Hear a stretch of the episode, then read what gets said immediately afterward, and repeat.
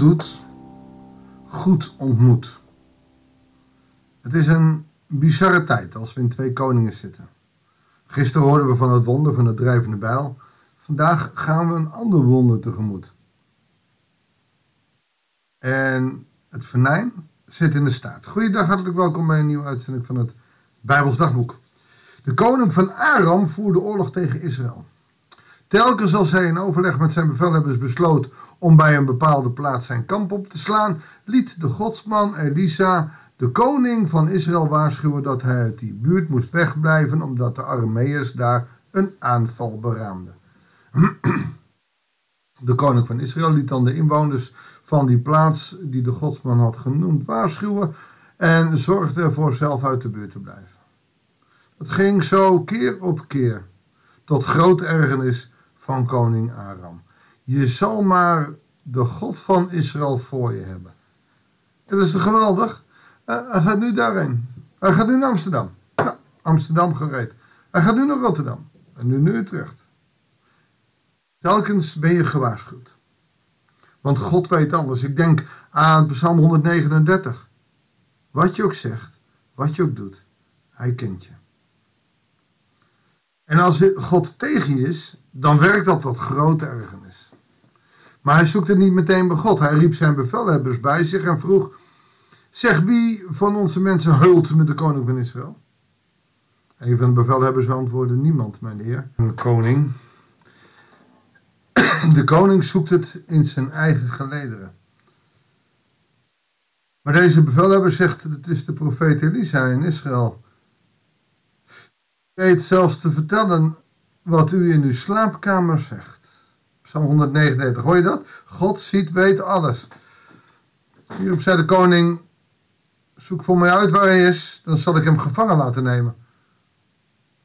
Toen werd hem verteld dat Elisa in Dothan was, stuurde hij een groot leger met strijdwagens en paarden op de stad af.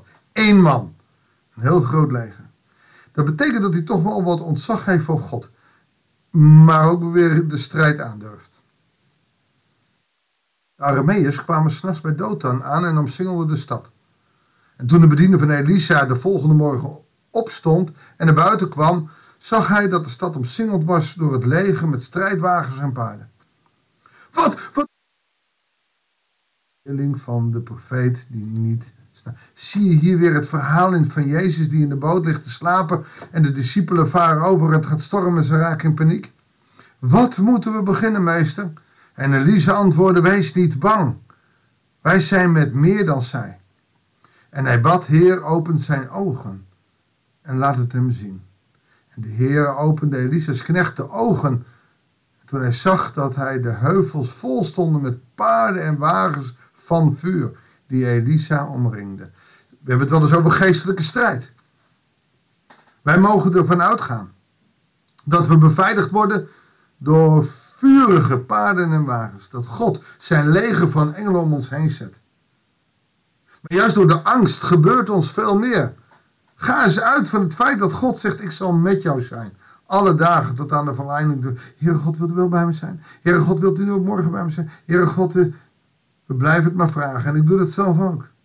Maar we mogen ook gewoon elke God danken. Heer God, dank u wel dat u beloofd heeft morgen weer bij ons te zijn. Toen de Arameërs op Elise afkwamen, smeekte hij, de Heer hen te verblinden. En de Heer verblindde hen zoals Elisa had gevraagd. En toen zei Elisa tegen hen, u bent verkeerd. Dit is niet de stad waar u moet zijn, volg mij. Dan zal ik u de weg wijzen naar de man die u zoekt. Hij leidde hen naar Samaria, daar zat de koning. En daar gekomen bad hij, Heer, open hun ogen en laat hem zien. En de Heer opende hun ogen en toen zagen ze dat ze midden in de stad Samaria waren. Toen de koning van Israël de Arameërs zag, vroeg hij aan Elisa, wat vindt u vader? Zal ik ze doden? Opeens is Agas uh, iemand die de profeet vader noemt.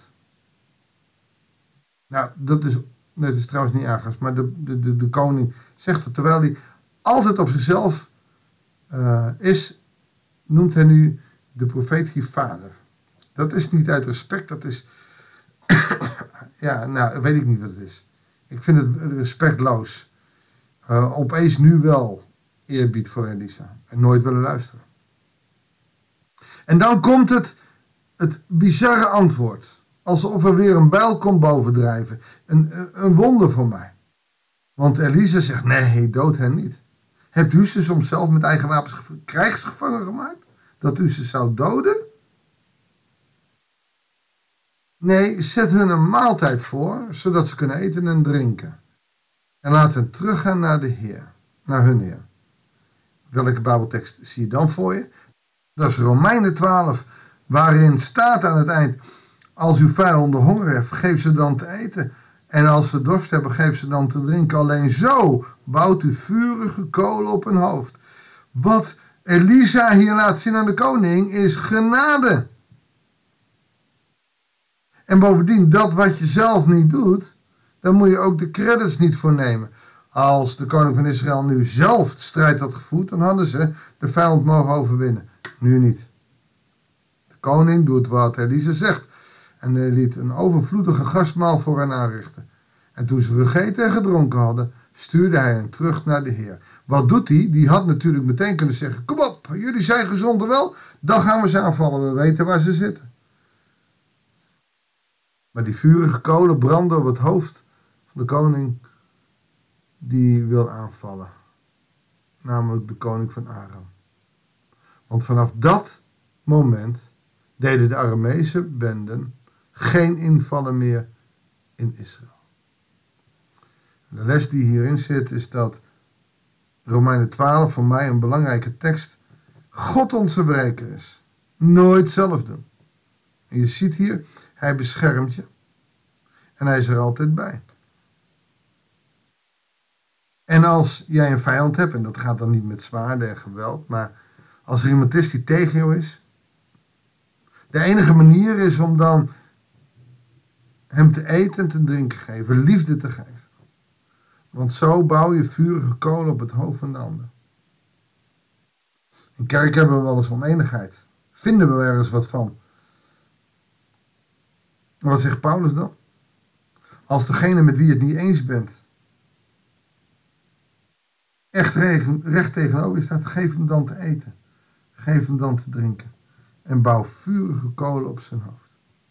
Want God laat voelen hoe de ander zich mag.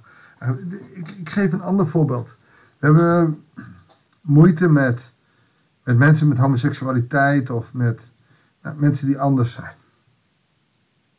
Jarenlang hebben we als, als kerken deze mensen afgeduwd.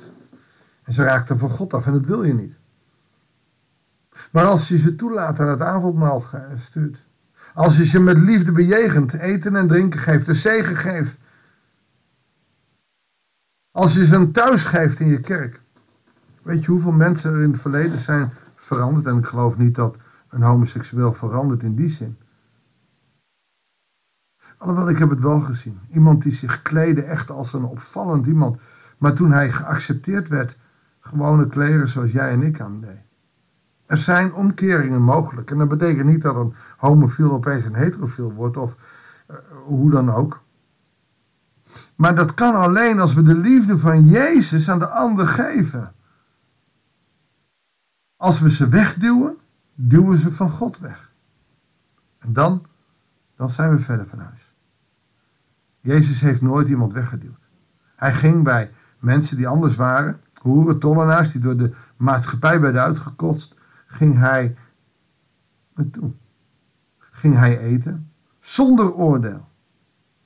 En ik zal je vertellen, als je die verhalen leest in het Nieuwe Testament, daar zijn de meeste bekeringen gekomen. Daar waar je liefde geeft, zal met liefde geoogst worden. Niet door ons, maar door God. Neem het eens mee. Heer God, we mogen wat vinden. We vinden overal wat van. Maar als we doen zoals u het in uw woord zegt, dan gaat het opeens heel anders. En we mogen best vragen hebben bij mensen die anders zijn. Het thema homoseksualiteit is in vele kerken nog lang niet uitgekristalliseerd en we kunnen dat ontzettend moeilijk vinden. En makkelijk is het ook niet. Want het gaat in tegen alle scheppingsorders die we lezen. Man en vrouw schiepen hem. Toch, Heere God, de vraag is het aan ons te oordelen? Of is het liefde te geven? In het verhaal van twee koningen lezen we dat Elisa juist dat doet. Hij geeft de vijand te eten en te drinken. En ze stoppen met aanvallen. Heer, wilt u ons zo helpen omdenken in het leven van onze kerken, in het leven van ons persoonlijk. Hoe we tegen mensen aankijken die anders zijn. We hoeven het niet met ze eens te zijn, we hoeven het niet te voelen. Maar hoe zou u er mee omgaan? En uw boodschap is soms zo heel anders dan wij gewend zijn. Heer, zegen ons en help ons om zo om te denken in alle dingen die we tegenkomen. En dat bidden wij u in Jezus' naam. Amen. Dankjewel voor het luisteren. Ik wens je God zegen en heel graag tot de volgende uitzending van het Bijbelsdagboek.